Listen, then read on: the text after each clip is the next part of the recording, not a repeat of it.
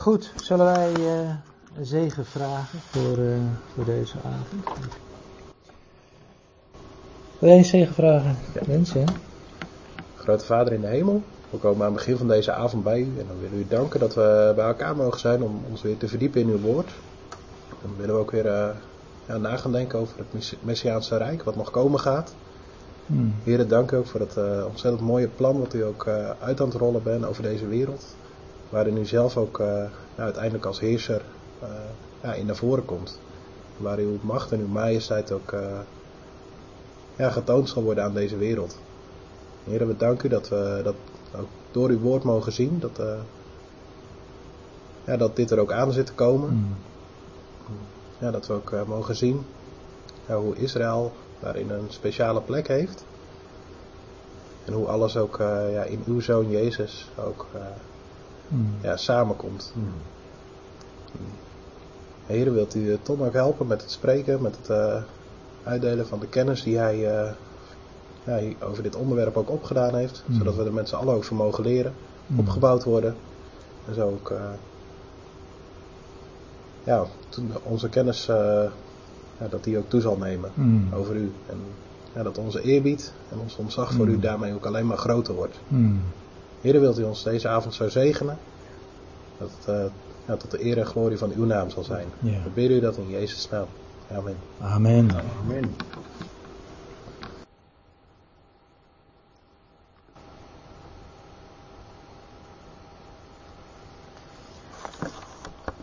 Mooi. Dat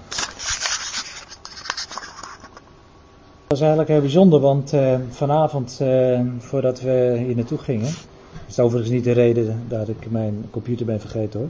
Maar uh, toen kwam Gerda met een artikel in het Reformatorisch Dagblad, ik weet niet of jullie het ook gelezen hebben, van dokter Stefan Paas.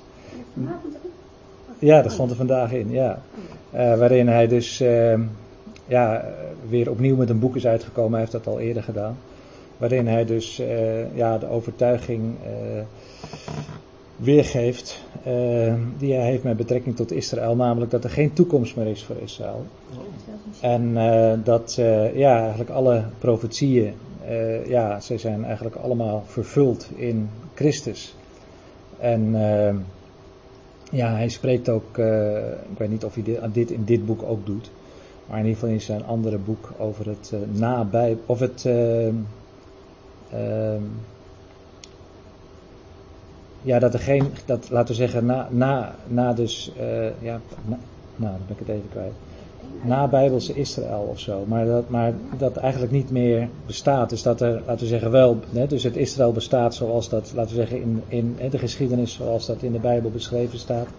Maar dat daarmee eigenlijk, uh, ja, het volk uh, zijn, ja, zijn, zijn eindvervulling heeft gekregen. En uiteindelijk alles, alle profetieën dus ook ja, die nog uh, zeggen, onvervuld lijken, uiteindelijk toch allemaal in vervulling krijgen in de persoon van Christus. Um, dus, dus je ziet dat uh, deze vervangingstheologie, hij noemt het geen vervangingstheologie, maar hij noemt het vervullingstheologie, hè, dus met andere woorden, het is alles vervuld in Christus. eigenlijk toch nog springlevend is. Hè. Je zou denken dat dat eigenlijk zo'n beetje wel uh, dat station wel gepasseerd is binnen de theologie, maar dat is dus beslist niet het geval. Overigens ook opmerkelijk dat degene die ook, ook verslag doet van dat boek, dan eindigt met zijn overtuiging dat er wel een toekomst is voor Israël, maar dat hij zo in het artikel ehm, ja, ook wel aangeeft dat bijvoorbeeld dat de volkeren, als de vol, dat er staat dat de volkeren op zullen trekken naar Jeruzalem, ja, dat je dat weer niet letterlijk kan nemen. Uh, dus ja, dan wordt het eigenlijk nog lastiger, vind ik zelf. Want ja, wat neem je dan wel letterlijk en wat neem je dan niet letterlijk? Ja, dan is het dus eigenlijk aan jouw interpretatie uh, om, uh, om, om de schrift ja, dan wel of niet letterlijk te nemen.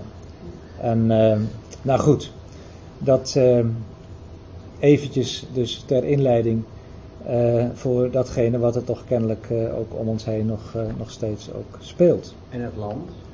En het land, ja, nee, daar is ook geen, uh, geen vervulling meer voor. Nee, nee, nee, nee. zowel dus uh, land als volk. Uh, ja. Ja, ja, ja, dat is, dat is alles ten einde. Ja. Nou goed, wij gaan de schrift na en onderzoeken of de, al deze dingen zo zijn. Zoals de Bereërs.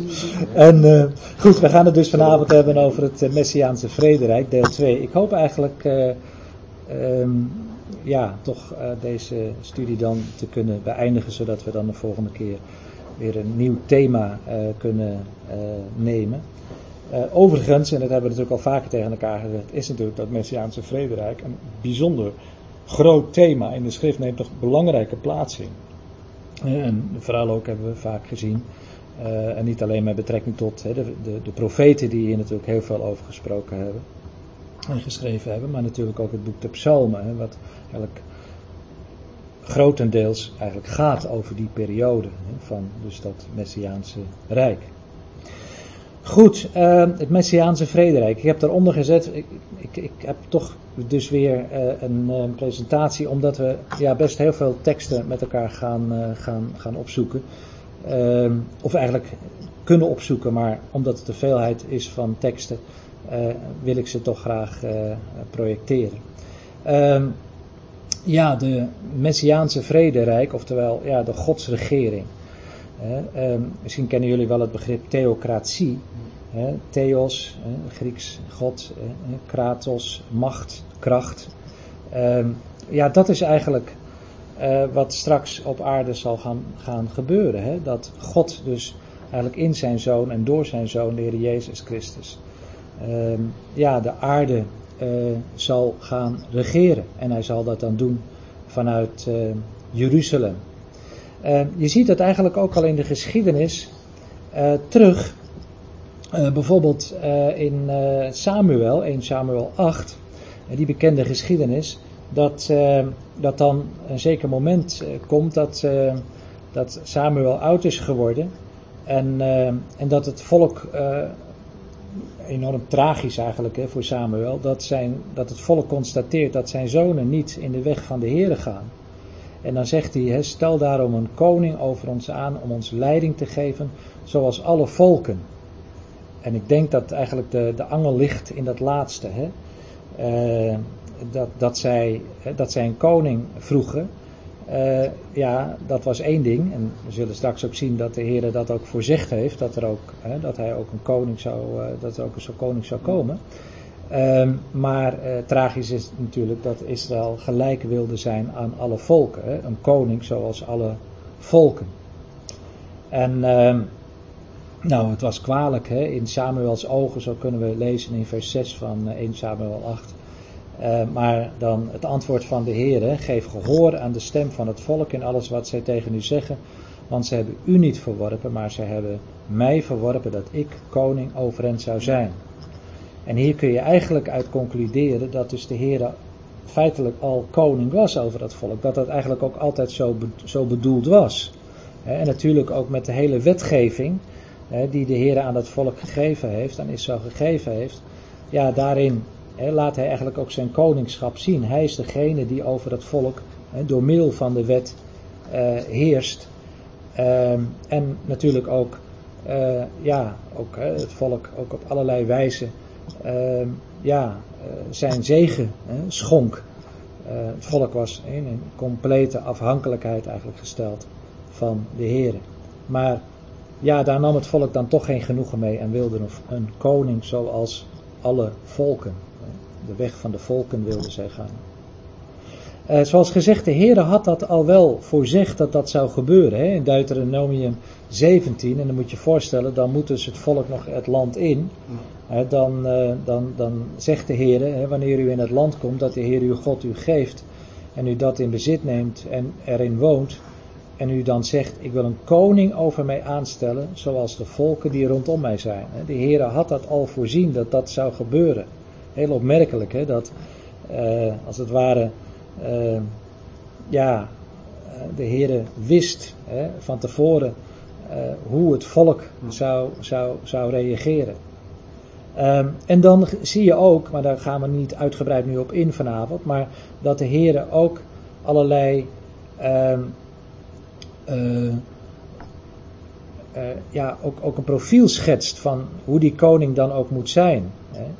En, en, en eisen stelt waaraan die koning dan ook uh, moet voldoen. En een van die eisen eigenlijk, hè, waar die koning dan aan moet voldoen, is die boekrol nemen. Hè? Uh, een, een, een, afschrift van de wet. En dan zie je weer, wat we net al gezegd de Heer was al koning. Hè? Hij regeerde door zijn wet en het volk. Maar we zien ook dat eigenlijk dat, dat koningschap zich voortzet in uiteindelijk ja, de koning hè, die dan over Israël zou regeren. En in feite dus ook dan die wet. Hè, uh, vanuit die wet. Hè, en, en ja, dat, dat, dat wetboek ook, ook handelt. Hè, daar vanuit ook uh, het volk uh, regeert. Um, maar goed, feitelijk al veel eerder vinden wij dat, dat koningschap al aangekondigd. Uh, en dat is namelijk de profetie van Jacob. In uh, Genesis 49, hè, daar zegt Jacob over Juda, de scepter van Juda zal niet wijken en evenmin de heerserstaf van tussen zijn voeten, totdat Silo komt. Silo betekent feitelijk vredestichter of rustbrenger, zo zou je het kunnen vertalen. Totdat Silo komt. En het mag duidelijk zijn dat, uh, dat Silo eigenlijk een naam is voor degene die ook die vrede ook straks ook ja, zal vervullen en ook tot werkelijkheid zal brengen in het volk en over de aarde. En ook rust zal brengen. namelijk ja, niemand anders dan de Heer Jezus Christus. Hij is die Silo. En hem zullen de volken gehoorzamen. Het is heel opmerkelijk dat deze profetie dus feitelijk niet alleen gaat over uh, dat dat koningschap hè, van God in hè, Silo, in hè, de Messias, in de Heer Jezus Christus, uh, zich uitstrekt naar het volk Israël. Maar je ziet dat, dat Jacob hier eigenlijk al veel verder ook mag kijken. Uh, dat dus uiteindelijk ja, ook de volkeren hè, aan, uh, aan, aan de Messias onderworpen zullen worden. En het mag duidelijk zijn dat dat natuurlijk ook allemaal nog toekomst is. Hè. Uh, ja. En Juda, ja, uh, nou ja, uit Juda, uit de stam Juda is natuurlijk ook hè, de Heer Jezus voortgekomen. Juda hè, is de stam waar David uit is voortgekomen. En we weten dat uit David hè, de Messias, de Heer Jezus Christus, is voortgekomen. Zoals eh, Paulus ook eh, de Joden in Antiochië in de synagoge daaraan herinnert. Dat de Heere David, de zoon van Isaïe, gevonden heeft. Een man naar mijn hart. Dat is kenmerkend geweest voor David. Het was een man naar Gods hart. Niet dat hij zonderloos was. Integendeel, hij heeft ook heel veel misstappen begaan. Maar zijn hart was eigenlijk elke keer weer gericht op de Heere. En als het niet op de Heere gericht was, dan kwam er weer een moment waarop David weer, weer terugkeerde in gemeenschap tot uh, de Heer. En wist ook van de verzoening die er bij God uh, was. En inderdaad, zegt dan uh, Paulus daar aan zijn Joodse volksgenoten uit zijn nageslacht. heeft God voor Israël volgens de belofte de zaligmaker Jezus doen voortkomen. naar de belofte. Het was al voorzegd. heel veel profeten die dat eigenlijk ook al voorzegd hebben, dat uit dat nageslacht, uit zijn zaad letterlijk, zou dan ook de Messias voortkomen. De zaligmaker. Hè. Hij denk aan ook uh, als we hem ook tegenkomen voor het eerst in het Matthäus hè, evangelie of uh, Matthäus 1 vers 21. Hij zult hen de naam Jezus geven. Hè, dus wordt, zegt dan de engel tot Jozef. Want hij is het die zijn volk van hun zonde zal zalig maken. Hij is de zaligmaker ook van Israël en uiteindelijk ook de zaligmaker van heel de aarde. Ja, eh, 22 kenmerken van dat Messiaanse Rijk. Ik had uh, in de Daba-brief gezet 20, maar ik ging ze nog eens door. En uh, ja, daar zou er nog veel meer aan toe te voegen zijn. Maar ik wil eigenlijk toch de belangrijkste met jullie delen. En ik kwam dan toch uiteindelijk wel uit op, uh, op 22 als ik daarvan de belangrijkste heb. En misschien dat jullie zeggen, ja, jammer dat je die nog niet genoemd hebt. Dat zou zomaar ook nog kunnen. Nou, in de eerste plaats dus uh, dat begrip uh, koninkrijk der hemelen. Hè. Het zal dus een, een koninkrijk zijn. Letterlijk betekent dat hè, het koninkrijk vanuit. Hè, een koninkrijk dat vanuit de hemelen. Hemelen is eigenlijk altijd meervoud in het Hebreeuws eh, vanuit de hemelen op aarde zal worden opgericht. Het is niet een aardskoninkrijk, we hebben dat al gezien, dat, dat mensen tot stand zullen brengen, dat vanaf de aarde, nee het is vanuit de hemelen, dat het op de aarde zal worden opgericht. Het, het, het, het, eh, het koninkrijk der hemel is ook typisch een kenmerk van het koninkrijksevangelie en dat is het Matthäus-evangelie. Het eerste evangelie is kenmerkend voor het koningschap van de Heer Jezus Christus. Um, ja, het tweede kenmerk is natuurlijk dat de koning zal zijn de zoon van David. We hebben daar net al even bij stilgestaan. En het is zo prachtig hoe je dat ook, we hebben net al even gezien, Matthäus 1 vers 21, waar dus de engel, dat zegt tot, maar, tot, uh, tot Jozef, hè, gij zult hem de naam Jezus geven, want hij is die, die zijn volk zal zalig maken van hun zonde.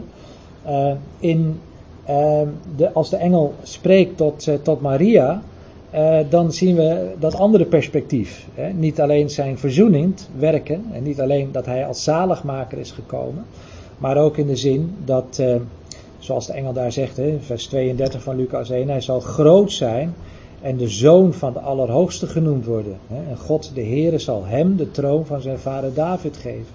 En hij zal over het huis van Jacob koning zijn tot in eeuwigheid. En aan zijn koninkrijk zal geen einde komen. Dat is heel typerend. Hè? Hij is degene die uit David is voortgekomen. David, de man naar Gods hart. En natuurlijk de zoon van David, de Messias, de volmaakte zoon hè, naar Gods hart.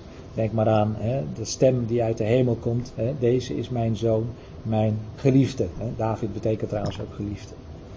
Dus dat ligt eigenlijk allemaal op een prachtige wijze in opgesloten.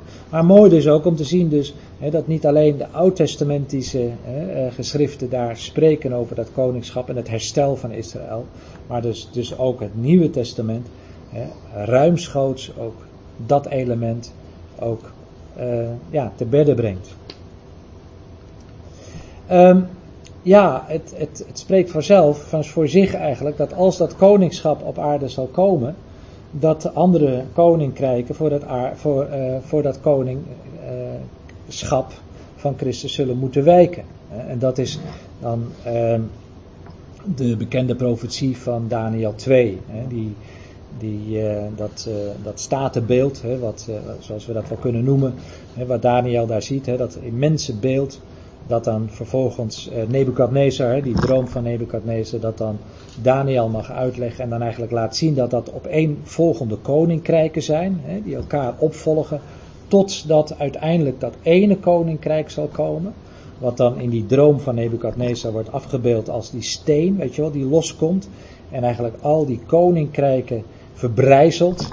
Hè, en dan blijkt die steen feitelijk niet, niks anders te zijn en niemand anders te zijn hè, dan, dan Christus hè, en het koningschap dat hij op aarde zal, uh, zal vestigen. Hij zal al die koninkrijken uh, verbrijzelen, al die koninkrijken zullen uh, te gronden gaan, maar zelf zal het voor eeuwig stand houden. Nou, dat is eigenlijk, het, eigenlijk bijna hetzelfde bewoordingen als we zojuist hebben gelezen. Dat aan zijn koninkrijk zal geen einde komen. Um, ja, een ander derde kenmerk van dus dat Messiaanse Rijk, dus als Christus straks op aarde zal zijn teruggekeerd, is dus dat eh, de Heere ook zijn volk eh, weer bijeen zal brengen. Uh, Jeremia 31, prachtige hoofdstuk, wat denk ik bij velen van jullie wel bekend is. Dat gaat over dat nieuwe verbond, daar komen we straks nog over te spreken, dat God met Israël zal, uh, zal sluiten. Maar ehm, maar in vers 10 van dat hoofdstuk, daar lezen we dus dat hij die Israël verstrooid heeft, zal het weer bijeenbrengen. En het hoeden zoals een herder zijn kudde hoedt. Opmerkelijk dat hier overigens staat dat degene die het volk heeft verstrooid, dat hij degene is ook die het volk weer bijeenbrengt.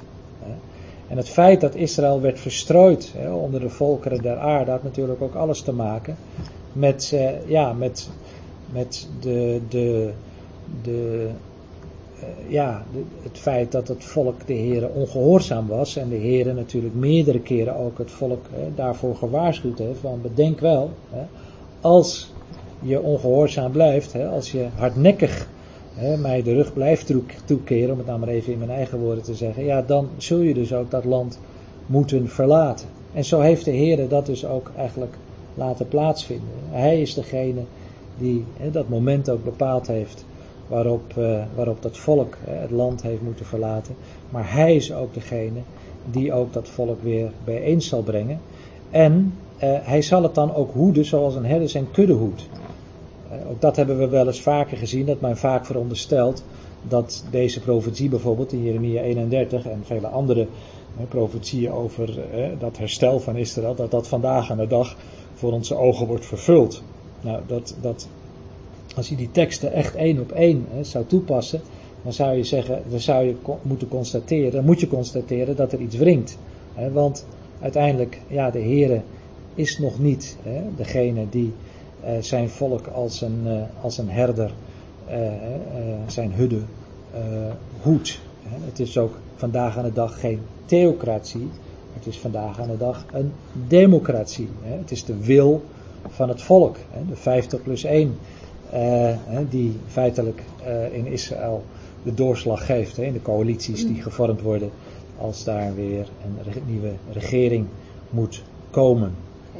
Ja. Toch dat, dat je nu dus toch ziet gebeuren, is dat dan niet een gedeeltelijke vervulling hiervan? Nee, ik denk niet dat het een... dat kan ik bijna niet volgen. Als ik dat zo zie, denk ik ja. Ja, nee, dat, dat begrijp ik. Nee, het is zo dat wat we vandaag aan de dag zien, niet een gedeeltelijke vervulling uh, is van, uh, van deze profetie. Want het punt is dat het volk uh, ook nog het land uit zal moeten. Uh, bijvoorbeeld in Zacharia 14, uh, hebben we dat trouwens ook met Matthäus 24 nog gezien, hè, dat, dat dus uh, daar straks nog een tijd van grote benauwdheid hè, voor Israël zal komen. Een benauwdheid die, die, die nooit eerder is geweest hè, en ook nadien ook niet meer wezen zal. dat gezegd hebbende is het wel zo dat, Israël, dat een deel van Israël wel degelijk terug moet zijn in het land, willen dus die profetie in vervulling gaan. Ja? Maar er is dus, we moeten eigenlijk dus een onderscheid maken tussen datgene wat God voorzegd heeft en datgene wat de Heer dus ja, eigenlijk aan positieve uh, beloften heeft gegeven. Niet alles wat God voorzegd heeft, denk maar aan het boek Openbaring, hè, dat begint met hetgeen hè, geschieden moet. Als je leest wat er allemaal in Openbaring hè, staat beschreven hè, aan, aan, aan, aan, oordelen die straks nog over de wereld zullen komen en de, de, de enorme uh, rebellie, hè, van de hardnekkige rebellie van de volken tegen de Heer, dan heeft de Heer dat wel voorzegd en gepro hè, laten profiteren. Maar dat wil nog niet zeggen dat dat inderdaad een vervulling is van Gods belofte. Ja? Ja, dat, uh, Nee, oké. Okay, nou, nee, nee, het is, het is prima. Dat, het gaat erom dat we, dat we met elkaar de, de, de, stappen, de stappen volgen. Volgens mij uh, komen ze in het land waar ze geen recht, nog, nog geen recht op hebben.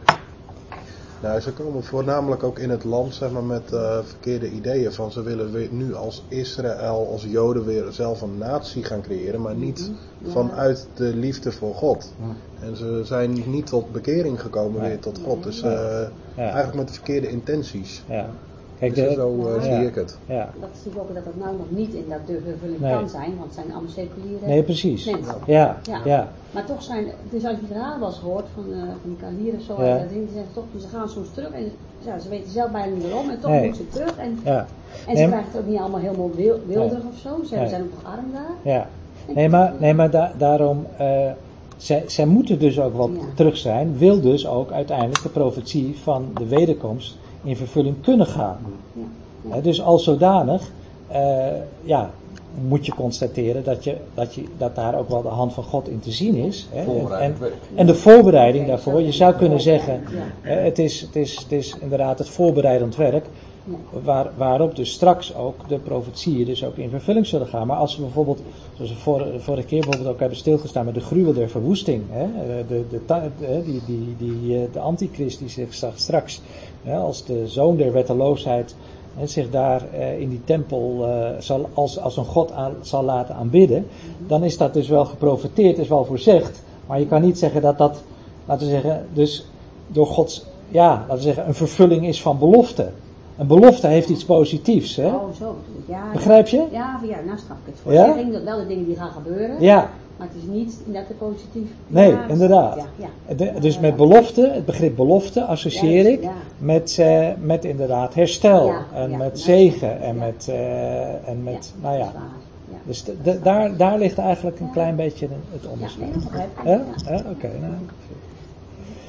Ehm, ja, en hij zal hen dan ook brengen onder het, eh, onder nieuwe verbond. Hè. We hadden het er al even over Jeremia 31. Ehm, dat de Heer dus een nieuw verbond zal sluiten. Eh, let wel, er zijn sommigen die zeggen, ja, het gaat om een vernieuwd verbond. Maar eh, het is, dat staat er niet in, in de grondtekst. Er is niet iets van een vernieuwd, het is echt een compleet nieuw verbond. Dat oude verbond vond zijn einde. Hè. Eh, en het nieuwe verbond, dat dacht ik ook de vorige keer ook, ook al wel even gezien, er moest ook een nieuw verbond komen, omdat de Messias, eh, hebben gezien, zowel koning is als priester. Hij, hij is de koning naar de ordening van Melchizedek. Nou, dat was onder het oude verbond natuurlijk niet mogelijk. Want de priesterstam, dat was eh, de, uit de stam Levi. En de koningen, de koning, ja, die kwam uit de stam van Juda. Maar in het nieuwe verbond zien wij dus dat ja, ook een hele nieuwe situatie eh, plaatsvindt. Namelijk de Messias, de Heer Jezus Christus, naar de koning, naar de ordening van Melchizedek. En ehm, dat dan ook het zo zal zijn dat de Heer ehm, dan ook ehm, ja, die, die, dat, die, eh, die wet ook in hun harten zal, eh, zal leggen. Ehm, hè, voor zeker na die dagen, zegt de Heer, zal ik mijn wet in hun binnenste geven en zal die in hun hart schrijven. Ik zal u tot een God zijn en zij zullen mij tot een volk zijn. En dan zullen eh, zij niet meer een ieder zijn naaste en een ieder zijn broeder onderwijzen door te zeggen, ken de Heer. Want ze zullen alle mij kennen, van de kleinste tot de grootste. Eh, want ik zal hun ongerechtigheid vergeven en aan hun zonde niet meer denken. Nou, dat is feitelijk de wedergeboorte van Israël. Als is Israël inderdaad hè, dus, dus, dus niet langer meer eh, ja, eh, vanuit, ja, vanuit, van, vanuit eh, ja, die oude mens, maar laten zeggen vanuit die nieuwe mensen, dat nieuwe hart. Waar ook David om bidt, hè, schep mij een nieuw hart. Hè. Psalm 51 is dat, meen ik. Dat zien we natuurlijk feitelijk ook gebeuren bij het volk van David als geheel. Hè, een, een nieuw verbond. Ja, dit gaat dan ook weer specifiek echt over Israël. Ja, ja, ik had dan vandaag die vorige eh, studie nageluisterd, Oh ja. daarna had het, het ook over eh, dat de, ja, in die tijd maar, de heidevolken ook wel eh, ja, daarin zullen delen, maar niet van harte. in de zegen zullen delen. Ja, ja, ja, maar niet, dat ze zich niet, al, niet alle heidevolken zich van harte tot Nee, God keren. Klopt, ja. Dus dat het misschien ook wel goed is om dat ook hierbij te zien. Dat het echt een verbond is met Israël. Ja, En Ja, dat klopt. je daarin En- en- eigenlijk eh, het oorspronkelijke plan met Israël juist ook wel eh, naar voren ziet komen. Ja. Dat ze vanuit Israël een zegen voor de volken zullen zijn. ja, klopt. En daarvoor moeten ze tot wedergeboorte zijn. Ja. eh, voor- tot wedergeboorte komen. Want al- als je niet tot wedergeboorte komt, dan hè, hetzelfde dat nieuwe leven hebt, kun je het nieuwe leven ook niet prediken. Je hebt geen geestelijk leven. Nee, dan heb je geen, eh, geen geestelijk leven. Ja.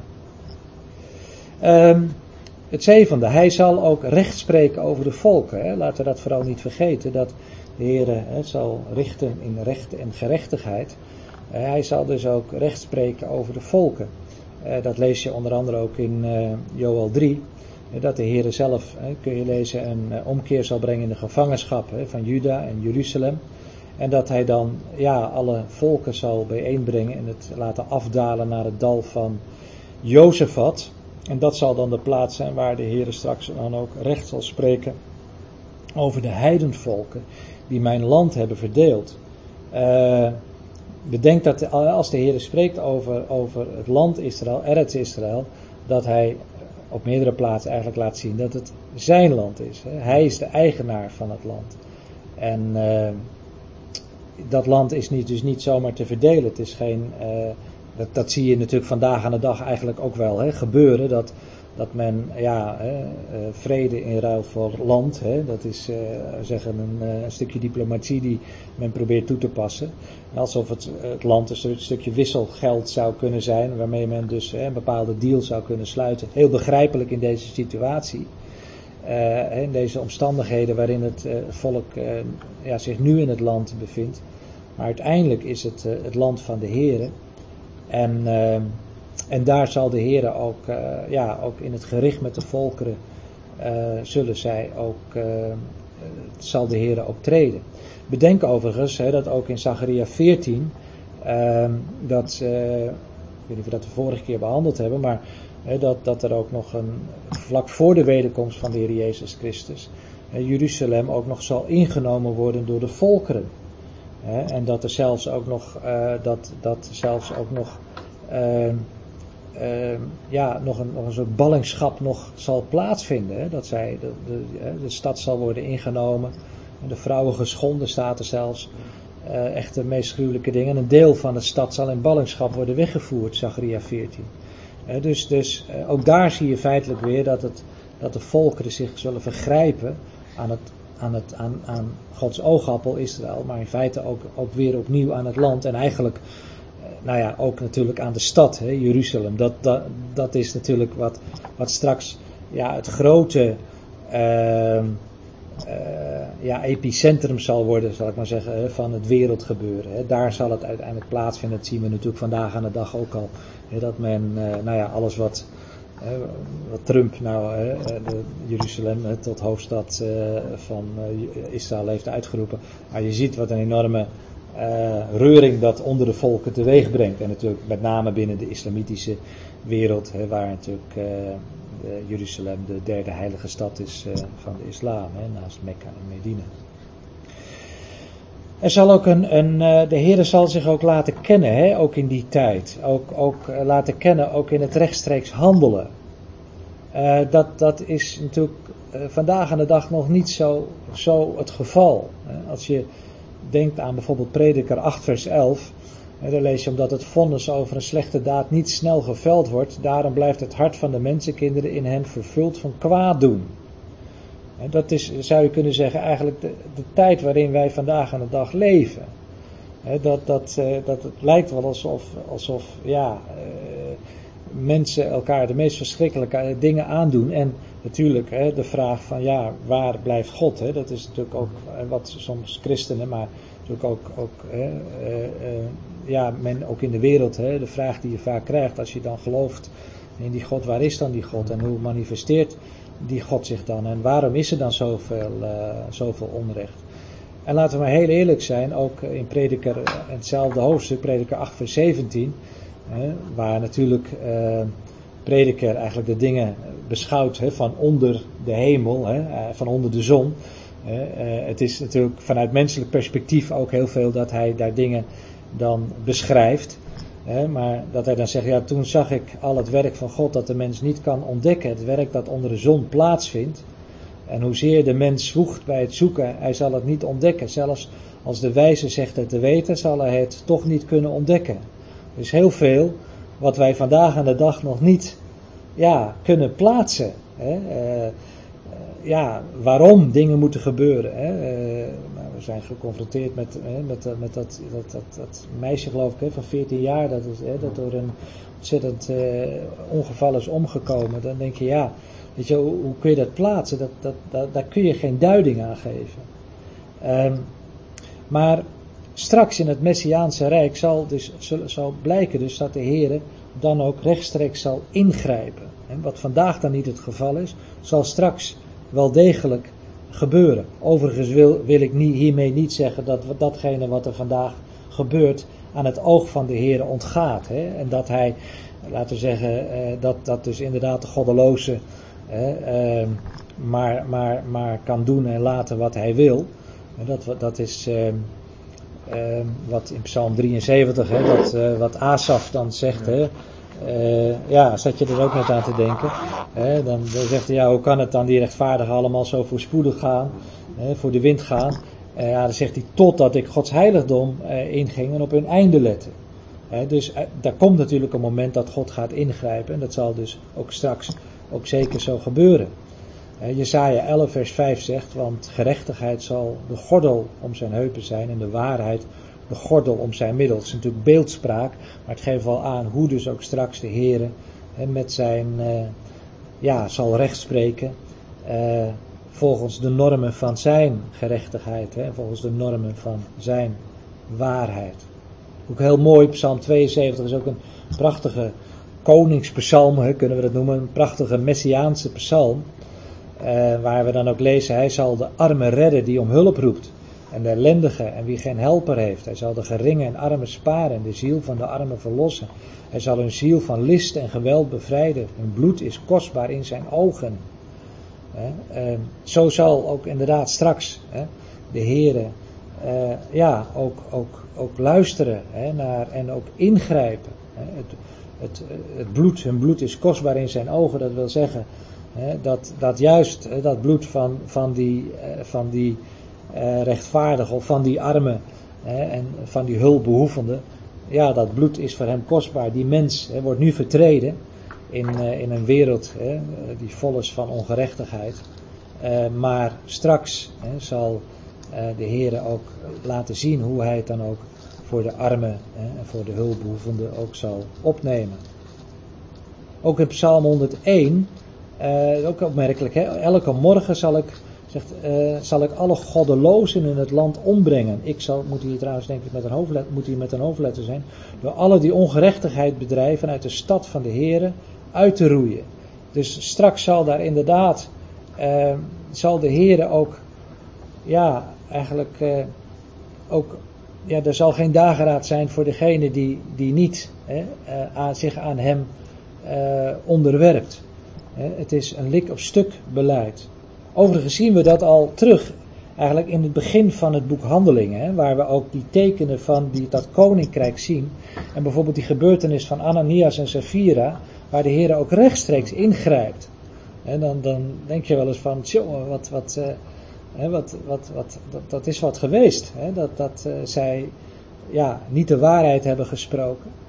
Uh, maar dan zien we dat de Heer dus he, ogenblikkelijk daar ingrijpt. En zo stel ik me ook voor dat ook straks, dus ook in het Messiaanse Rijk, he, deze dingen zo ook, uh, ook zullen gaan. Dat de Heer dan ook rechtstreeks zal ingrijpen op het onrecht.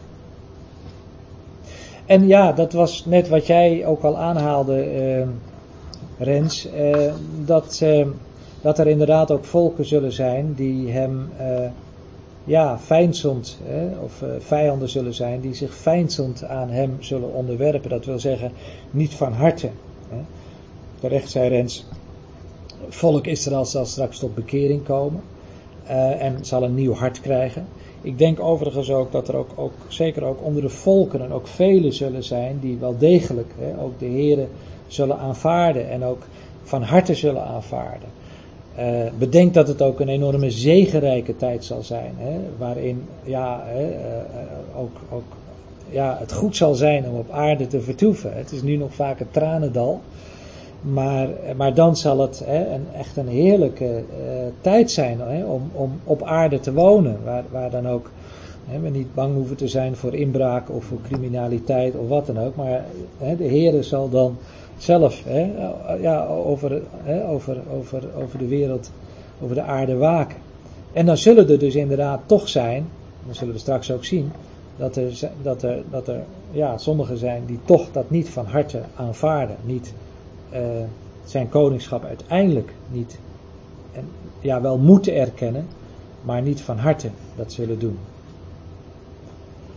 Um, het zal het, en dat is natuurlijk een van de grote kenmerken ook van het Messiaanse Rijk. En daarom kun je ook voorstellen wat een heerlijke tijd dat zal zijn. Namelijk dat Satan gebonden zal zijn. Uh, duizend jaar lang. En daar, daar ontleent zich ook het begrip duizend aan. Uh, duizend jaar lang, tijdens dus die uh, heerschappij van Christus, zal Satan gebonden zijn. de aanklager der broederen. hij die voortdurend probeert om dat plan van God te frustreren en ja, hè, aanvecht. Hè, en hoe hebben we daar zelf ook niet mee te maken? Denk aan uh, Efeze 6. Hè, dat, dat, dat, uh, waar, waar Paulus zegt dat we de wapenrusting godzaam moeten doen om stand te kunnen houden tegen, tegen ja, die, die geestelijke boosheden in de hemelse gewesten. Uh, dat geldt nu. Maar, maar straks zal dus Satan gebonden zijn. En wat, wat een geweldige rust en vrede hè, zal, dat, uh, zal dat teweeg brengen. Ja. ja, ik heb best wel vaak vroeger gedacht en gezegd ook wel. Ja. ja, het kwaad zit ten diepste in jezelf. Maar nou dacht pas in dat ook uit. Eigenlijk is er wel heel veel wat toch bij de duivel vandaan verleidingen aan het gekomen. Ja. Hoe kan het anders straks dat het dan wel veel minder is? Ja, ja. Dat die verleidingen natuurlijk toch weg zijn. Ja, absoluut. Ja, ja. ja. Dan zei ik altijd, ik kan niet de duivel de schuld geven, want je doet het zelf, wij spreken. Maar ja. toch denk ik, ja, er zit ook een heel stuk wel bij, denk waar je verzocht wordt ook. Absoluut. Ja. En, en Satan heeft natuurlijk uh, aan de oude mens, hè, ja. uh, die zondige natuur, heeft hij natuurlijk een bruggenhoofd. Hè? Dus, dus uh, wij moet, daarom moeten wij ook hè, die oude mensen ook voor dood houden. We zijn met Christus gestorven. Hè? En en we zijn ook met hem opgestaan een nieuw leven. Maar dat moeten wij, hè, ook Romeinen 6, dus ook voor dood houden. maar dat is eigenlijk wel het bruggenhoofd waarop Satan natuurlijk altijd weer toegang heeft. Maar straks zal, zal hij dus ja, gebonden zijn. En zal dus dat, dat is niet meer het geval zijn. Ja, inderdaad. Ja, het zal wat dat betreft een heerlijke tijd zijn. Ehm, maar, en dan komen we dus weer bij, bij dat, bij dat geveinselijk onderwerpen. Het is wel heel opmerkelijk dat dus in openbaring 20 staat dat hij dus nog voor een korte tijd ehm, zal losgelaten worden. Uh, om de volken te misleiden, daar heb je hem weer. Hè? De, de, de, vader der leugen hè, noemt de Heer Jezus hem. Hè? De vader hè, van uh, de moordenaar van de beginnen hè, wordt hij ook aangeduid. En opvallend is dat, dat, je, dat hij dus aan het einde van die, open, van, van die duizend jaar nog één keer wordt losgelaten. Dan denk je, ja, waarom, waarom moet dat nou? Hè? Want ja, uh, het is. Het is, het is het was zo mooi op aarde en, en, en waarom moet hij dan losgelaten worden? Ik denk dus dat dat uiteindelijk uh, er mee, uh, mee, te maken heeft dat die, dat zal blijken. Dus dat inderdaad een aantal mensen, ondanks alle zegen die zij in die duizend jaar hebben ervaren van, van, van de Christusregering, uiteindelijk toch niet van harte hem hebben onderworpen, geveinsdelijk hem hebben onderworpen. En dat dan ook openbaar zal worden wat er feitelijk ook in hun hart uh, leeft. En dat zij dus weer opnieuw, ongelooflijk, maar zo hardnekkig is de mens, hè, toch weer, uh, ja, weer volken zullen zijn die, uh, die uiteindelijk dan ook weer hem zullen volgen. Hè. En ja, ook wel opvallend dat er ook staat dat zij zullen gaan naar de geliefde stad. Nou, het mag duidelijk zijn dat dat niet Oudewater of Montfort of Harmelen is, of Gouda, maar er is maar één, de geliefde stad, en dat is Jeruzalem. En je ziet weer opnieuw dat dat Satan het daar weer op gemunt heeft. Hè? Op, op die stad en op dat volk.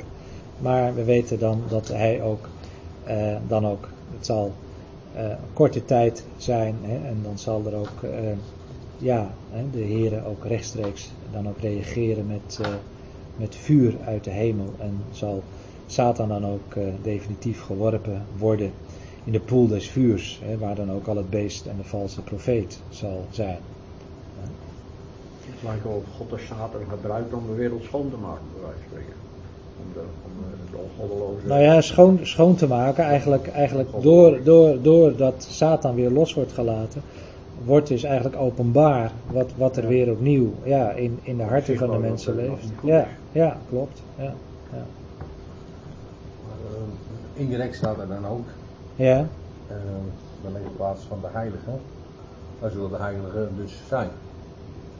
Ja, inderdaad. Ik denk dat de heiligen, dat is een uitdrukking die we vooral ook in het boek uh, Daniel ook veel tegenkomen, het volk der heiligen, wordt het daar ook aangeduid, dat is dat het daar dus specifiek gaat om, uh, om Israël, hè? de heiligen. Ja, heilig is ook apart gezet in die zin. Ja, ja. Ja, het volk inderdaad, dat, dat, dat ook als, als, als een koninkrijk van priesters dan ook zal, uh, zal zal, zal, uh, zal functioneren. Is dat een bevredigend antwoord, André? We zullen het onderzoeken. We zullen het onderzoeken, goed zo. Nou, ik hoor het graag van je als je tot een andere conclusie komt. Ja. Uh, heel graag zelfs. Ja. Um, Ja, natuurlijk zullen er ook, ja, ook heiligen zijn onder de volkeren, hè, die, die- dus ook tot bekering komen. Maar ik denk als het eh, hier gaat om eh, eh, de legerplaats van de heiligen en de geliefde stad, eh, dat, dat dat wel specifiek dus eh, ja, de betekenis heeft van, eh, van, eh, van, van het volk. Ja. Hoewel natuurlijk inderdaad er ook straks volkeren ook hè, naar Jeruzalem zullen optrekken om daar door de Heer geleerd te worden.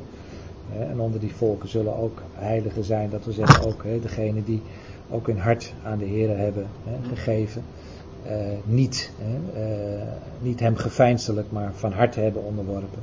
Dus als zodanig kun je dat natuurlijk ook zeker ook, ook een deel van, ja, van ook onder de volken eh, daar ook in betrekken. Maar ik denk dus dat het primair hier de betekenis heeft van, eh, van het Dus volk. dat legerplaats, dat zegt misschien ook wat. Die andere trekken misschien wel op, maar Ja, legerplaats wil misschien wel iets zeggen van waar zij ja de plaats zijn. waar zij gelegerd zijn. Ja, en waar En zij zich. eh, te ja. En het aantal is als de stand der zee, dus dat zijn er dan heel wat. ja. Nou, de twee en de tien stammen hè, zullen dan ook eh, verenigd eh, zijn. Dat is natuurlijk de enorme tragedie hè, dat na, eh, na eh, eh, Salomo, hè, dat, dat je dan eigenlijk die opsplitsing ziet tussen die twee en die tien stammenrijk. Dat is natuurlijk een enorme tragedie die zich daar heeft afgespeeld. Maar mooi hè, in Ezekiel 37, daar zien we dus dat er weer één koning zal zijn. en dat er niet langer twee volken, maar één hè, volk zal zijn. Hè, en dat ze niet langer meer in twee koninkrijken verdeeld zullen worden. Israël zal ook een koninkrijk van priesters zijn. Hè. Exodus 19 wordt, werd dat feitelijk al voorzegd, hè, dat zij dat zullen zijn. Dat wil zeggen, als het volk gehoorzaam zou zijn, dat was de voorwaarde, kunnen we lezen in Exodus 19. hè, het hoofdstuk dat voorafgaat aan de wetgeving, eh, Exodus 20. Eh, maar, maar ja, het volk is eigenlijk nooit in die positie, eh, eh, aan die positie toegekomen, omdat het niet echt van harte ook als volk hè, tot volkomen gehoorzaamheid is gekomen. Dat zal dus straks hè, onder dat nieuwe verbond wel mogelijk zijn, want dan zal de Heer dus die, hè, die wetten in hun harten schrijven en zal hij feitelijk zelf dat leven zijn. En zullen zij dus ook als een koninkrijk van priesters ook tot zegen zijn van de volkeren der aarde. Hier heb je trouwens ook weer heiligen, een heilig volk, inderdaad, wat Rens ook zegt, een volk dat daarvoor ook is apart gezet. Wat mij daarin opgevallen is trouwens. Ja. dat, eh, ja, als je eigenlijk net na de wetgeving, Ja. dan lees je dat eh, het volk Israël zegt in Exodus Ja. 20 vers 19. Ze zeiden dan tegen Mozes, spreekt u met ons, dan zullen wij luisteren. Maar laat God niet met ons spreken, anders sterven wij. Ah ja, Eh, heeft dat ook daar zeg maar, een relatie mee dat van, nou ja goed, God die zegt daar eerst van tevoren van, nou jullie zullen voor mij een volk van priesters zijn. ja, Vervolgens zegt het volk van ja, maar wij willen, kunnen die directe communicatie niet aan. ja, En dat, dat daardoor eigenlijk misschien dan het Levitische priest- priesterschap ingesteld is. Als overbrugging. Zeg maar. ja, Dus dat eh, het volk zelf zegt van nou dat kunnen wij niet aan, die positie die we krijgen. ja. Eh, en dat dat daardoor toekomst eh, blijkt nu, zeg maar. Of, Ja, de positie van, van de levieten, eh, van, eh, van de, van de eh, priesterdienst, is, is uiteindelijk een, een, een, een positie die natuurlijk het volk als geheel zou, eh, ja, zal, zal, zal, zal krijgen. Ik denk vooral ook in Exodus 20, eh, waar ja, ook, ook ja, de, de, de, de, de openbaring van de Heer ook in, in enorme heerlijkheid eh, eh, was. En, en zij, denk ik, al zodanig dat die rechtstreekse communicatie eh, met, met de Heer ook niet aankonden. Vandaar ook natuurlijk dat ook, ja, het, het is door middel van de Zoon. Hè? Het is de Ja. Zoon, hij is de Logos, hij is het Woord. waarin, God zich, waarin God zich dus, dus uitspreekt. ja. Ja. Ehm, ja, er zullen ook enorme veranderingen zijn. Hè? Ehm, geestelijke en lichamelijke ehm, veranderingen zijn. Het is prachtig, hè? En ik zal mij verheugen over Jeruzalem en vrolijk zijn over mijn volk. Het is trouwens heel mooi, ook dat we hier ook zien dat de Heer er zelf ook vreugde aan beleeft. Wij, wij zijn altijd zo gericht op, op wat wij eraan ervaren hè, en aan beleven. Uh, maar het is ook zo mooi dat, we, dat de Heere zich verheugt. Hè. Zoals hij zich ook overigens vandaag aan de dag natuurlijk zich ook wil verheugen over zijn kinderen. Hè, die ook in gehoorzaamheid en in gemeenschap met hem hè, ook, ook leven. Dat is natuurlijk ook de wil van de Heer ook voor, voor nu. En dat we hem ook behagen. Ja, en dat hij zijn zoon hè, in ons uh, herkent. Hè. Uh, dat is natuurlijk sowieso. Uh, maar dan ook, hè, dan zal geen stem van geween zal er meer in gehoord worden. Hè, of een stem van geschreeuw. Hè, er zal niet meer een zuigeling zijn die maar enkele dagen leeft. Of een oude man die zijn dagen niet volmaakt. Want een jonge man zal sterven als honderdjarige. En daarin zie je feitelijk dat een honderdjarige zal dus nog een jonge man zijn. Wat de oorzaak overigens is van deze jonge man dat hij dan toch zal sterven, is dus kennelijk niet dat eh, eigenlijk net als Mozes, die 120 jaar werd, hè, en zijn oog was niet verduisterd, zijn kracht was niet afgenomen. Het lijkt wel alsof, hè, dus ook in het Messiaanse Rijk, zoals eigenlijk ook in Mozes, hè, we daar een stukje van het Messiaanse Rijk zou je kunnen zeggen, konden terugzien, dat dat ouderdomsproces, hè, dat, dat, dat zou ik maar zeggen, dat, dat, uh, ja, dat, dat proces van, van, van aftakeling, vandaar ook dat Paulus ook spreekt over een vernederd lichaam, Filippenzen 3 vers 20, hè, dat hij ons vernederd lichaam gelijkvormig zal maken aan zijn verheerlijk lichaam, dat dat, dat uh, aftakelingsproces dus niet meer uh, zo meer zal zijn. Dat dus zelfs iemand 100 jaar, als 100-jarige, uh, feitelijk nog de kracht van een jongeling heeft. Ja, dat zou wat wezen, Gijs, hè? Ja, ja, ja, jij verlangt er al naar, hè? Ja, ja. ja, maar dat zie je toch eigenlijk met, ja, ja. Dat zie je toch eigenlijk ook met het hele volk Israël tijdens de woestijnreis. Ja. Want in die hele tijd zijn uh, de schoenen niet versleten, kleding niet versleten, ja, maar ook... Ja, en voeten niet gezwollen. Ja. Het is mooi wat, uh, wat Rens uh, zegt, ik zal het even herhalen voor de microfoon. Maar inderdaad, dat, dat eigenlijk Israël dat al een stukje beleefd heeft tijdens die 40 jaar in de woestijn.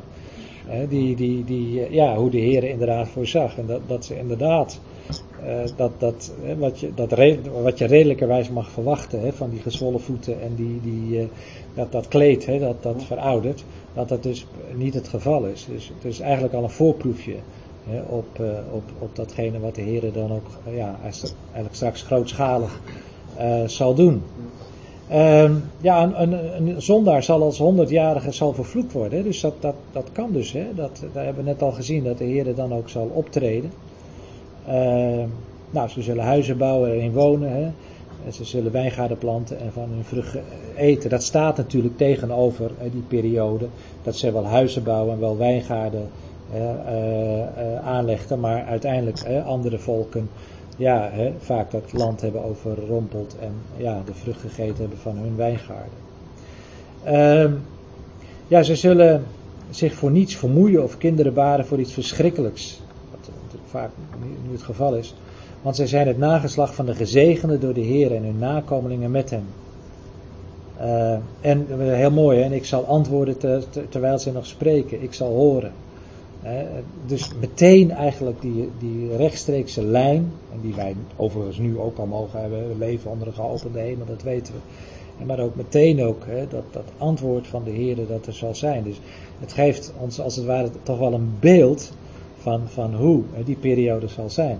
Eigenlijk even terzijde opgemerkt uh, dat, uh, dat, we, dat, dat eigenlijk als het gaat over, over de toekomst van Israël, de Bijbel natuurlijk veel meer informatie geeft als over de toekomst van de gemeente.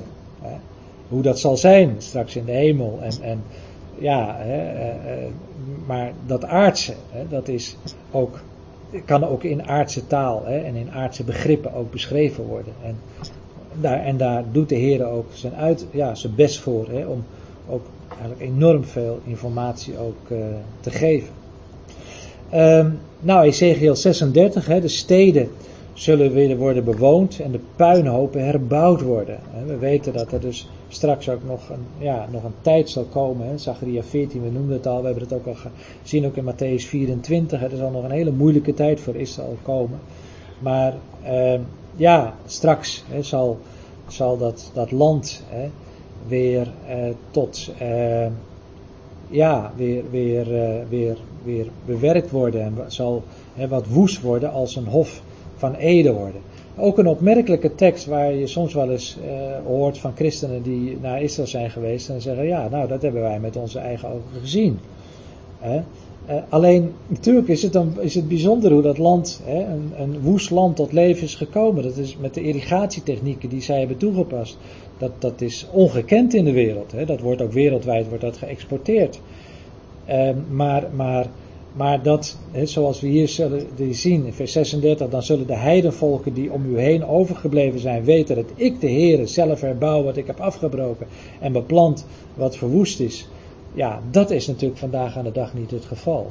En zo zie je dus dat eigenlijk al die teksten, als je even doorleest en ze in een context leest, dat je ziet dus dat het nog gaat over een tijd die nog komen gaat. De volkeren zien het wel, maar wat is de reactie? Ja, men is, men is sowieso jaloers, als ik weet niet wat. Die Palestijnen en, en, en eh, die overigens ook een moeilijke positie hebben natuurlijk. Maar, maar de Arabische volken, je ziet dat, dat, eh, dat ze gekrenkt zijn door alles wat Israël tot, tot stand brengt. Eh, maar straks zullen ze zien dat het uiteindelijk dat wat, dat wat straks zal komen niet een mensenwerk is, maar dat God zelf dat doet hè, en zal doen. En dat hij zich dus ook laat kennen, hè, zichzelf laat kennen. Want daar gaat het natuurlijk altijd weer om. Het gaat niet om het kennen van het volk, het gaat om, om het kennen van de God van het volk. Hè. En dan zal de Heer zich ook laten kennen als degene die datgene wat verwoest was, zelf zal, uh, zal herbouwen en tot, tot leven zal brengen. Dat zal een bijzondere tijd zijn. Nou ja, ook, ook de enorme metamorfose die ook, eh, ook, ook in de dierenwereld. een wolf en een lammetje zullen gezamenlijk eh, weiden. Het leeuw zal stro eten als een rund. Ehm, ja, dat zijn natuurlijk wel, wel hele bijzondere beschrijvingen. Waarvan natuurlijk heel veel uh, ja, theologen zullen zeggen: ja, maar dat moet je allemaal niet letterlijk nemen. Dat is allemaal beeldtaal enzovoort enzovoort. Ja, weet je, als we die keuze moeten maken, wat dan wel letterlijk is en niet letterlijk ja, dan, dan hè, heb je vaak, ja, maar ik kan me niet voorstellen dat. Ja, als het gaat om ons voorstellingsvermogen, ja, ik kijk naar de sterrenhemel, dan kan ik me ook niet voorstellen. Ja, ik zie ze, hè, maar, maar, maar, maar hoe dat alles functioneert, dat enorme radarwerk en hoe de Heer dat alles in zijn hand heeft, ja, dat, daar staat mijn verstand bij stil. Neem gewoon letterlijk de dingen die, eh, die, die, die daar zo staan en wat, wat, wat een geweldige, mooie, mooie tijd zal dat, uh, zal dat ook zijn paradijsachtige toestand. Ja, het zal een paradijsachtige eh, toestand zijn. Ja. Maar dat hebben we natuurlijk ook net gelezen. Hè? Dit land dat verwoest is als, als de Hof van Ede geworden. Hè? Dus daar zie je eigenlijk al die paradijselijke toestand. Nou, het volk zal dus ook in, uh, in vrede hè, dan ook uh, wonen. Ik vind het, het zelf ook een van de, van de mooiste teksten in vers 4. Hè. Er zullen weer oude mannen en oude vrouwen zitten op de pleinen van Jeruzalem. Hè, ieder met zijn stok in zijn hand vanwege de hoge leeftijd. De pleinen van de stad zullen vol worden met jongens en meisjes die spelen op haar plein. Ja, dat zijn dingen die kun je je zo voorstellen. Ik weet niet of jullie wel eens in, Israël en in Jeruzalem zijn geweest, maar, maar, maar ja, vooral op de Sabbat, dan uh, ik ben daar meerdere keren. Uh, dan heb je zo'n plein daar vlak bij, het, uh, bij de tempel, bij, ja, bij de klaagmuur. En dan heb je zo'n plein, inderdaad, als je daar op, op de Sabbat bent, dan zie je dat ja, ik weet niet of jullie dat was gezien, maar dat is prachtig. Dan, dan, zie je als het ware, proef je iets van datgene wat er, hè, wat er straks uh, zal, uh, zal plaatsvinden. Ja. Uiteindelijk toch weer een stokmolen. Ja, uiteindelijk dan toch weer een stokmolen. Ja, dat viel mij nu ook op. Ja, inderdaad. Ja. Ja. Ja. Ja. Ja. Ja. Wel letterlijk nemen, ik. Ja, ik denk dat we dat ook wel letterlijk nemen. Ja, maar uh, ja, zeker. Ja, ja, ja. Ja, de vraag is natuurlijk, kijk, kijk met, met alle antwoorden die je geeft, alle dingen, er komen natuurlijk ook weer vragen in. Hè? Zal iemand die dus een bepaalde leeftijd uh, hebben en dus, hè, dus in die tijd, laten we zeggen, dat, dat, dat, dat, dat, dat Messiaanse Rijk binnengaan, ja, uh, ja, als, als we als, uh, Ja, precies. Ja, ja, weet je, dus, dus dat zijn allemaal dingen. Ja. ja. we krijgen niet op alle, vragen antwoord, maar dat zou zomaar kunnen. Het wordt gewoon verwoord, ja. zou ja. zeggen. Ja, ja, jongens, ja, toch gewoon ja, ja, zeker, ja, absoluut. Het leven gaat door. Ik dan niet pijn? Ja, ja, ja. Nee, nee ik, ik denk het zelf niet. Ik denk het niet. Ik denk niet.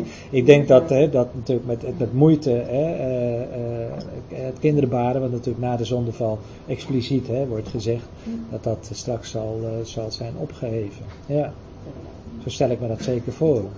En ook zo mooi, hè, al zou het in de dagen eh, wonderlijk zijn in de ogen eh, van het overblijfsel van het volk, hè, zou het ook wonderlijk zijn in mijn ogen, hè, spreekt de Heer. Dus daar zie je, hè, het, het, is misschien voor de mens te wonderlijk, hè, maar voor de Heer is het niet te wonderlijk. Het is, eh, hij zal deze profetie vervullen.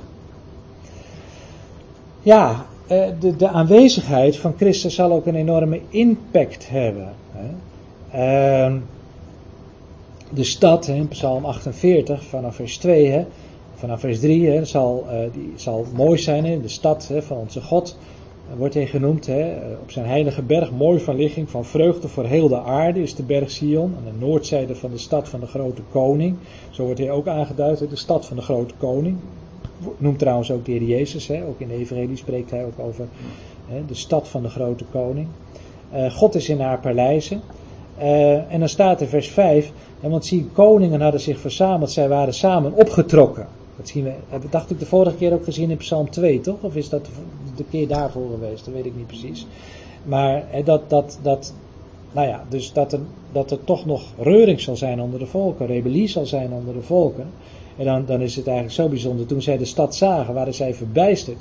Zij werden door schrik overmand. Zij haasten zich weg. Huiver greep hen daaraan. Smart als van een barende vrouw. dus, dus kun je dat ook een beetje voorstellen? Dat, dat straks de Heer dus in Jeruzalem eh, zal wonen. en dat er dan kennelijk dus vooral in die beginfase. ook zoals je dat ook leest in Psalm 2. de machthebbers de, spannen zich samen tegen de Heer en zijn gezalden. dat, dat zie je eigenlijk hier weer in Psalm 48 ook weer terugkomen. Maar uiteindelijk zullen zij ja, verbijsterd worden van de heerlijkheid die zij daar dus zullen aantreffen. En, en ja, ook het begrip dat, uh, dat zij uh, ook, ook niet in staat zullen zijn om ook maar iets hè, tegen de heren uh, uit te richten. Nou, het land zal ook geografisch natuurlijk een enorme metamorfose ondergaan. nou, dat lees je al in Zacharia 14, hè, dat de olijfberg in tweeën zal gespleten worden, oostwaarts en westwaarts, hè, een groot dal. Ehm, en dat zal ook nodig zijn in Zacharia 14, ik zei al, het volk zal ook nog, deels ook nog het land uit moeten. We zien ook dat eh, Jeruzalem straks natuurlijk nog een, een, enorme verdrukking te wachten staat. Maar dan zal de Heer ook een vluchtweg creëren. En, uh, maar dat zal ook een geweldige uh, ja, geografische verandering te, teweeg brengen. Hè? Als je de Olijfberg dan in tweeën zal, zal splijten. Dat zal eigenlijk het begin zijn. Enerzijds van, van van dus de verlossing van Israël. Het volk dat ook in, in het dal, hè, mijner, uh, mijner bergen, zal vluchten. Zo lees je in Zacharia 14. Zal enerzijds een vluchtweg zijn. Aan de andere kant denk ik dat, die, dat dus die, uh, die, die splijting van die olijfberg ook mee zal, uh, een, een, een, ook een belangrijke uh, component zal zijn, zal ik maar zeggen, in dus dat ja, dat, dat, die geografische verandering die dus ook zal moeten plaatsvinden om ook Jeruzalem ook straks die plaats te geven, ook fysiek ook de plaats te geven die het ook toe zal komen. Het zal ook een berg zijn, een gigantisch plateau zijn, hè, waar ook de volkeren naartoe moeten, zullen kunnen optrekken om daar ook door de Heer onderwezen te worden. En daar zal ongetwijfeld ook die, die splijting van die, eh, van die olijfberg dus ook een belangrijk onderdeel van zijn. Zie je? Aan de ene kant, aan de ene kant. Ja. Dus het ja. valt echt uit elkaar. Het zal echt uit elkaar vallen, ja. ja. Er staat toch ook ergens dat Jeruzalem zal oprijzen? Ja, daar komen we zo nog over te spreken. Ja, inderdaad, Jeruzalem uh, zal oprijzen, ja. Uh, wat natuurlijk ook, uh, ook zal zijn, Zachariah 14... En eigenlijk als je dat, dat uitgebreid wil lezen, moet je naar Ezekiel 47. Uh, namelijk dat er uh, water vanuit Jeruzalem zal stromen. Hè. Daar zie je feitelijk ook al hoe dat land dus ook totaal zal veranderen. Dat, dat, dat, dat water dat zal dus een bedding krijgen en zal uiteindelijk de ene helft naar de zee in het oosten en de andere in het westen. dat is de Middellandse Zee, de oosten. dat is dus de Dode Zee. En je kunt dan lezen in Ezekiel 47 waar dat veel uitgebreider beschreven wordt. die Tempelbeek. dat dan ook uh, die, de, de Dode Zee ook tot leven komt. Ook kenmerkend voor, de, voor deze tijd, dat, dat nu eigenlijk het water eindigt in de dood. De vissen die vanuit de Jordaan in de, in, de do- in de dode zee komen, ook letterlijk sterven. Nog even spartelen en dan is het over. Dat is ook denk ik ook wel ja, een stukje beeld, wat ook kenmerkend is voor, voor deze tijd. Straks zullen de vissers zijn, kun je lezen in Ezekiel 47, en zal dus dat alles tot leven komen. Nou, ehm, ja, inderdaad, net, net wat, ehm, wat, eh, wat Rens ook al zei. eh, hij zal, eh, die berg van de Heer zal vaststaan als de hoogste van de bergen. Die verheven zal worden boven de he- he- heuvels. En alle heidenvolken zullen daar naartoe stromen. Hè, Jezaja 2. Eh, en zij zullen ook tegen elkaar zeggen: Kom, laten wij gaan naar de berg van de Heer, naar het huis van de God van Jacob. Dat hij ons onderwijzen aangaande zijn wegen. Dus het zal een geweldige groot ja, eh, gebied zijn, maar ook, het zal ook verhoogd zijn. Hè. Dus je hebt eh, ook fysiek, hè, zal als het ware eh, ja, eh, die verhoging plaatsvinden. Het zal ook zichtbaar worden, die verhoging van de Heer. Ook in die berg van de Heer, waar dan ook dat huis van de Heer gevestigd zal zijn. Als we het hebben over ehm, ja, die metamorfose, hè, die, die de aarde zal ondergaan, ja, dan lees je ook in Jesaja 11, een prachtige profetie, interessante profetie over Egypte, eh, dat de inham van de zee van Egypte eh, met de band geslagen zal, zal worden. Eh, zijn hand zal opheffen tegen de rivier de uit, Uifraat door een sterke ha- hand. Hij zal uiteenslaan in zeven stromen en ma- maken dat men er zijn, met zijn schoenen doorheen kan gaan. Men zal geen laarzen nodig hebben, maar met zijn schoenen daar doorheen kunnen gaan. En er zal een gebaande weg zijn voor de overgeblevenen in Assyrië. Hè.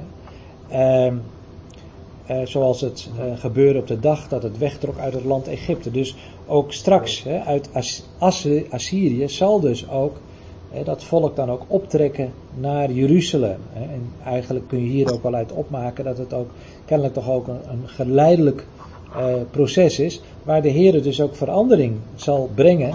En die uit, dus ook, ook droog zal komen te liggen, zodat dus ook het volk ook inderdaad ook zal, eh, zal kunnen optrekken eh, Droog. naar, eh, naar Jeruzalem. Ja, en datzelfde vinden we natuurlijk met de Uifraat en dus ook met de Nijl. De Assyriërs zullen in Egypte komen, de Egyptenaren in Assyrië. Er zal een, een heerbaan zijn, een gebaande weg zijn.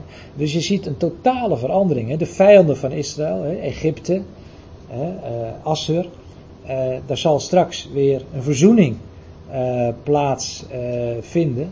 Hè, en de Heer zal zelf zeggen, hij zegt in Jesaja eh, 19 vers 25, waar we dit alles eh, vinden, gezegend zijn mijn volk Egypte, het werk van mijn handen Assyrië en mijn eigendom Israël. Zie je hoe dus dat vrede, hè, dus men nu wel bezig met een vredesproces, maar dat loopt natuurlijk op niks uit. Maar straks zal er dus inderdaad werkelijk vrede zijn en zal notabene dat Egypte, wat, wat feitelijk ja, toch, de aardsvijand was van Israël, waar het in slavernij heeft verkeerd. Het zal straks als de heren, door de heren worden aangeduid als mijn volk. En Assyrië zelfs als het werk van mijn handen en Israël mijn eigendom. Nou, ik heb dit kaartje er even bij gezet. Even een beeld te geven van het Assyrische Rijk. Hier zie je het, eh, de rivier, de Uifraat. Eh, hier. En, Dat is de eh, Tigris. Nee, deze, sorry, hier. Ja, inderdaad, niet de noordelijk noemen ze en, en straks zal dus, hè, daar, daar, ja, zal dat dus één groot gebied zijn waarin ja, volkeren elkaar ook zullen ontmoeten en waar uiteindelijk natuurlijk ook Jeruzalem het grote centrum zal zijn. Ja, dit is ook een hele opmerkelijke profetie. We gaan langzamerhand naar ons einde toe. Eh, Jeruzalem zal aan het water liggen. Kun je dat voorstellen? Dat is nu nog eh, bijna onmogelijk voor te stellen, maar in Jesaja 33 daar lezen wij aanschouw Sion, de stad van onze samenkomsten. Uw ogen zullen Jeruzalem zien, een veilige woonplaats, een tent die niet afgebroken zal worden, waarvan de pinnen voor altijd niet uitgetrokken zullen worden en waarvan geen enkel touw gebroken zal worden. De Heer zal het zelf beschermen, want de Heer zal daar in zijn macht bij ons zijn. Het zal een plaats van rivieren, van brede stromen zijn. Geen roeiboot zal erop varen, geen statig schip zal er passeren. Heel bijzonder. En, en bedenk dat als het hier gaat over een plaats van rivieren en brede stromen, dat geeft ook, ook weer iets natuurlijk ook aan van, van hoe, hoe, hoe het genieten zal zijn. Hè? Denk aan Psalm 23, hè, waar, waar inderdaad dat water en, en, en, die weiden eigenlijk beelden zijn van, dat, van, de, van, van, ja, van de overvloed. Ehm, en, en van uh, ja, de, de, de, de, de vreugde om daar dus ook te vertoeven.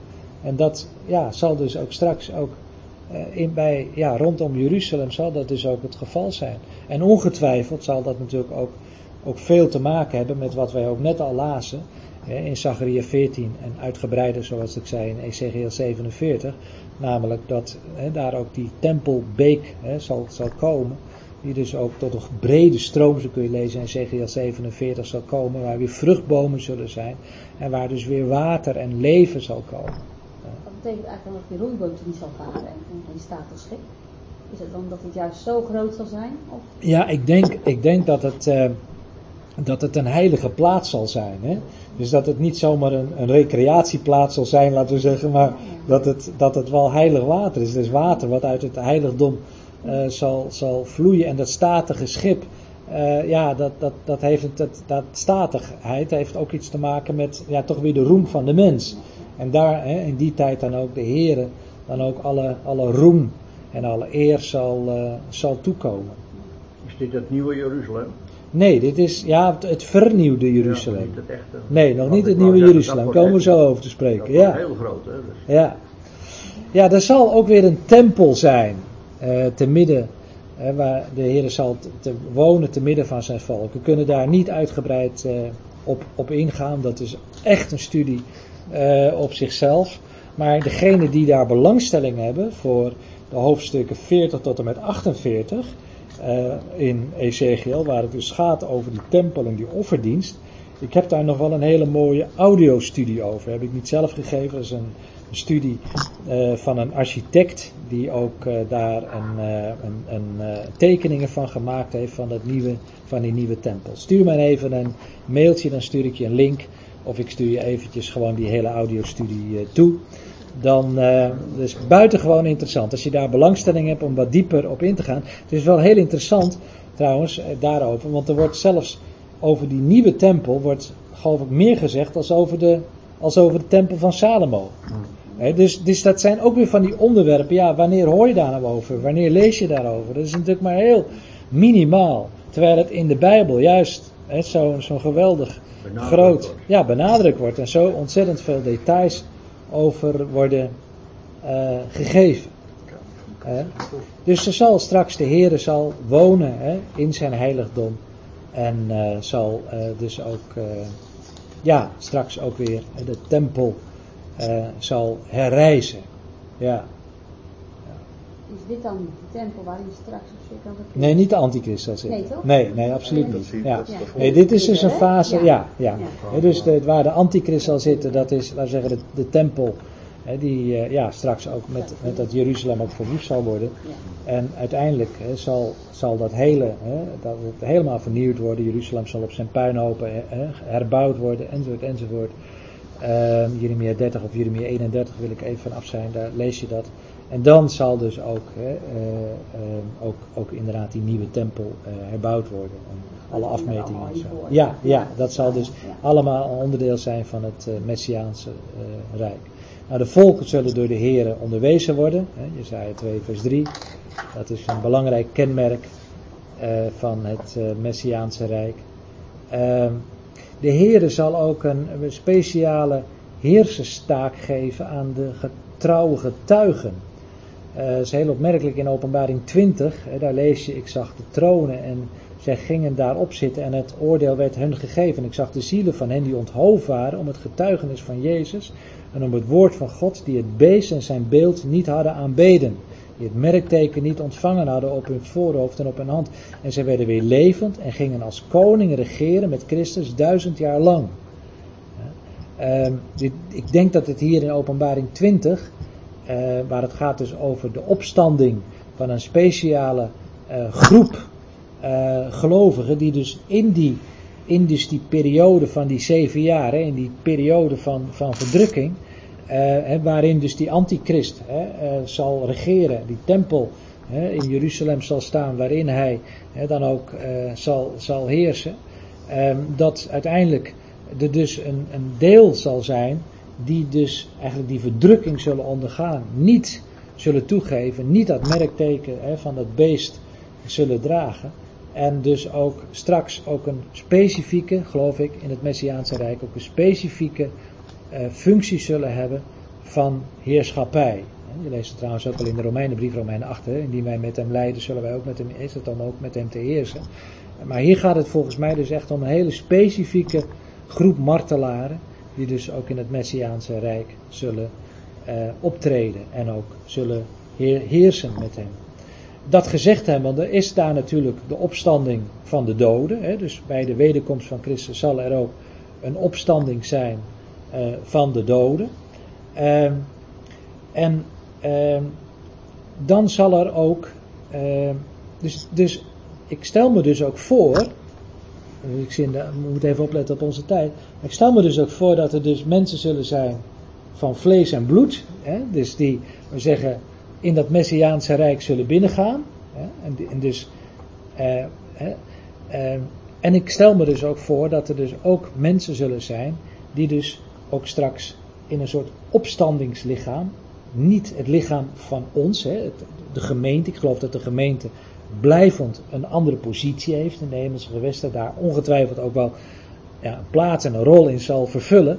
Hè, maar het gaat denk ik hier vooral ook om, om een specifieke groep ook, die ook straks ook in dat Messiaanse Rijk, eh, dus ook eh, ja, in, een, in, een, in een opstandingslichaam eh, zullen, zullen ja, daar aanwezig zullen zijn. Een hele specifieke fase dus hè, in, in, dat, in, het, in dat heilsplan van God. Hè. Dus de opstanding van doden. En dan hebben we het dus ook ja, aan het einde dus van die duizendjarig rijk. Daar hebben we dan een ander oordeel. We hebben al gezien het oordeel van de volkeren. De volkeren die af zullen, eh, of, hè, af zullen gevoerd worden naar het dal van Jozefat. Waar de Heer dus met de volkeren in, in gericht zal treden. Eh, we zien ook dat er aan het eind van die duizendjarig rijk ook weer ja, een opstanding zal zijn.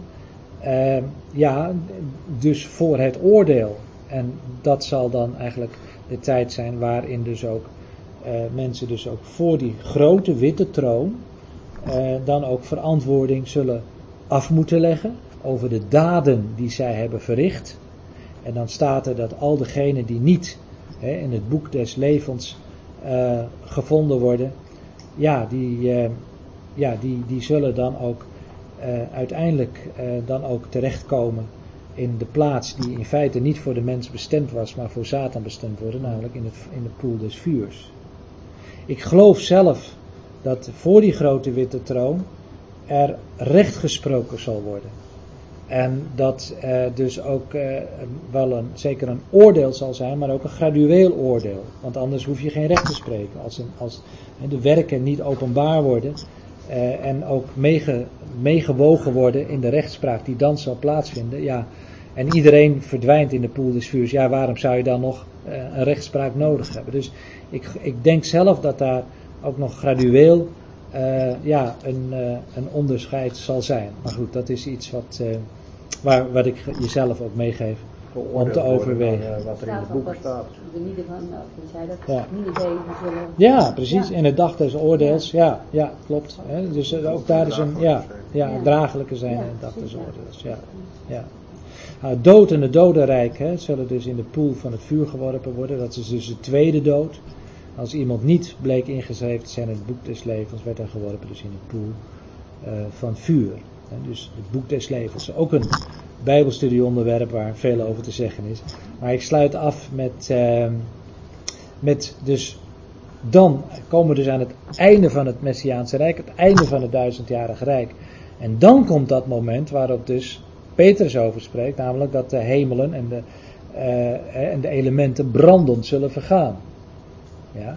En dan kom je, wat dus Petrus ook naar verwijst, bij de nieuwe hemel en de nieuwe aarde.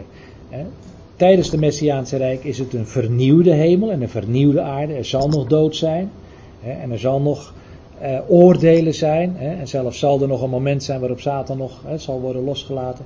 In die nieuwe hemel en die nieuwe aarde, ja, zal dat niet meer het geval zijn. En inderdaad, zegt, dan, eh, in open, zegt Johannes in openbaring 21, en ik zag een nieuwe hemel en een nieuwe aarde, want de eerste hemel en de eerste aarde waren voorbij gegaan. Het is niet iets nieuws, of het is niet iets vernieuwds. Nee, die eerste hemel en die eerste aarde zullen dus ook voorbij gaan. En dan, ja, de zee zal er niet meer zijn. En dan zegt, eh, Jeru- zegt eh, Johannes, ja, ik zag de heilige stad, het nieuwe Jeruzalem, nederdalen van God uit de hemel. Gereed gemaakt als een bruid die voor haar man sierlijk gemaakt is. En dat is dan het, het nieuwe Jeruzalem, dat dan vanuit de hemel eh, zal, eh, zal, zal nederdalen. Maar dan hebben we het dus over de periode na dus dat duizendjarig rijk.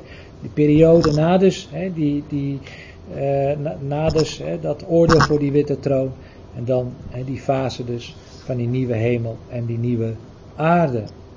Ehm, en dan zal God dus ook hè, bij de mensen zijn. Hè, tranen van hun ogen zullen was afgewassen worden. Ja, de dood zal er niet meer zijn. Dat is nog in het Messiaanse Rijk nog wel.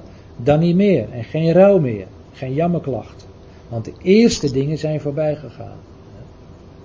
En dat zal dan ook ja, de periode zijn hè, waar Paulus, en hiermee eindig ik dan, hè, wat hij zegt, want hij moet, in Korinthe 15, hè, Christus, hij moet als koning heersen totdat hij alle vijanden onder zijn voeten gelegd heeft. Dat we hebben gezien, dat is een bepaald proces wat plaats zal vinden gedurende die duizend jaar. De laatste vijand die, die niet gedaan wordt, hebben we net gelezen, dat is de dood. Hè, die zal er dan ook niet meer zijn. Uh, en dan hè, zal hij alles aan zijn voeten onderworpen uh, hebben. En dan, ja, dan zal hij ook zichzelf, hè, uh, zal ook de zoon zichzelf onderwerpen, zodat God zal zijn, alles en in allen. En dat zal ja, uiteindelijk de fase zijn die, uh, ja, die dus in die nieuwe hemel en die nieuwe aarde uh, straks zal zijn. En dat, dat uh, zal ja, wel heel bijzonder zijn. Hè, maar God al zal zijn, alles en in allen. Vrede rondom. Ja, inderdaad. En dat duurt inderdaad nog heel lang. Ja, ja, ja. ja. 6000 jaar. Maar goed, dat was ook de bedoeling van deze serie, dat we, dat we zeggen, eigenlijk dat hele heilsplan van God zo eens doorgingen. En eigenlijk ook die teksten is er gewoon eens op een rij zetten, hè, om te laten zien, eh, ja, wat, uh, hoe de heren. Hè, en, en we denken wel, ja, hè, we zitten hier ook maar met een klein clubje.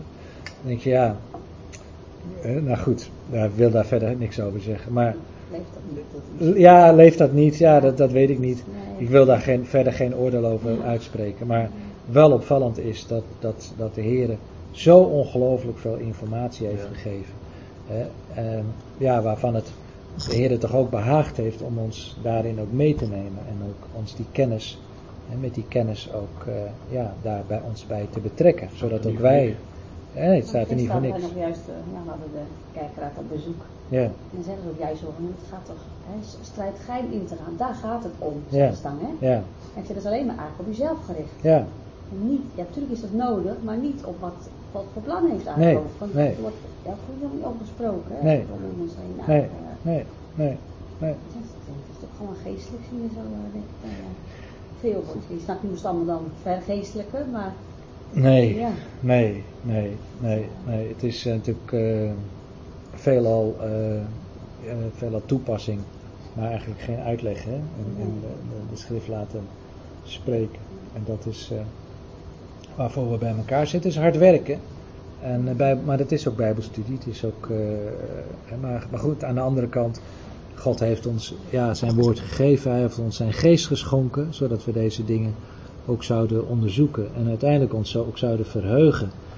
En ik hoop dat dat ook, het, ook uiteindelijk ook de uitwerking mag zijn. Dat, dat het niet alleen maar hoofdkennis is, maar dat het ook echt hartekennis is. En dat het ons, ja, ons ontzag hè, voor de Heer, voor zijn grootheid, voor zijn almacht en voor ja, hè, de wijze waarop hij uiteindelijk ja, hè, tot zijn doel komt, dat, dat ons dat ook tot aanbidding van hem brengt. Want daar, daar gaat het uiteindelijk om. Hè, dat het, Ja, van één Meer brengt. vond in Ja. de tekst, eh, als een dief in de nacht.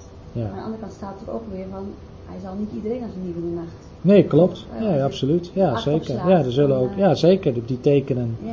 En daar ook, eh, ja, inderdaad, aandacht. En daarom, eh, nee. nee, maar goed. Maar, maar, goed, we hebben natuurlijk ook in Matthäus 24 gezien. Dat de Heer niet een exacte indicatie geeft van dan en dan, hè, met de datum en de tijd. Maar wel heel duidelijk wel, wel, wel een indicatie geeft voor, de, voor gebeurtenissen enzovoort enzovoort. Hè, die, die, eh, die zullen plaatsvinden. Dus eh, ja. Ik zal hem En ik denk ook dat mensen door de bomen het bos niet meer zien soms, want er wordt heel veel gepubliceerd natuurlijk. Ja, Dus ja, dan moet je een keuze maken. En ja, nou, dat snap ik allemaal niet hoor. Er wordt zoveel geschreven en zoveel gedaan. ja. Nou, dat, dat, dat, eh, dat is ook zo. Maar eh, daarom is het ook... dat, terug. Ja, tuurlijk. Ja. Nou ja, we moeten ook gewoon eerlijk erkennen dat er best ook, best ook veel dingen zijn die, eh, die ook nog, waar we ook nog, hè, met alles wat je bestudeert, komen er ook weer vragen eh erboven. Maar we mogen ook blij zijn met datgene wat de Heer ons wel geopenbaard heeft. Eh, en daar ook, eh, ja, en daar ook, eh, ja, Voordeel. ons voordeel mee doen. Ja, ja, ja. En dan liefst, ja, gewoon naar de schrift zelf hè, gaan. Mooi.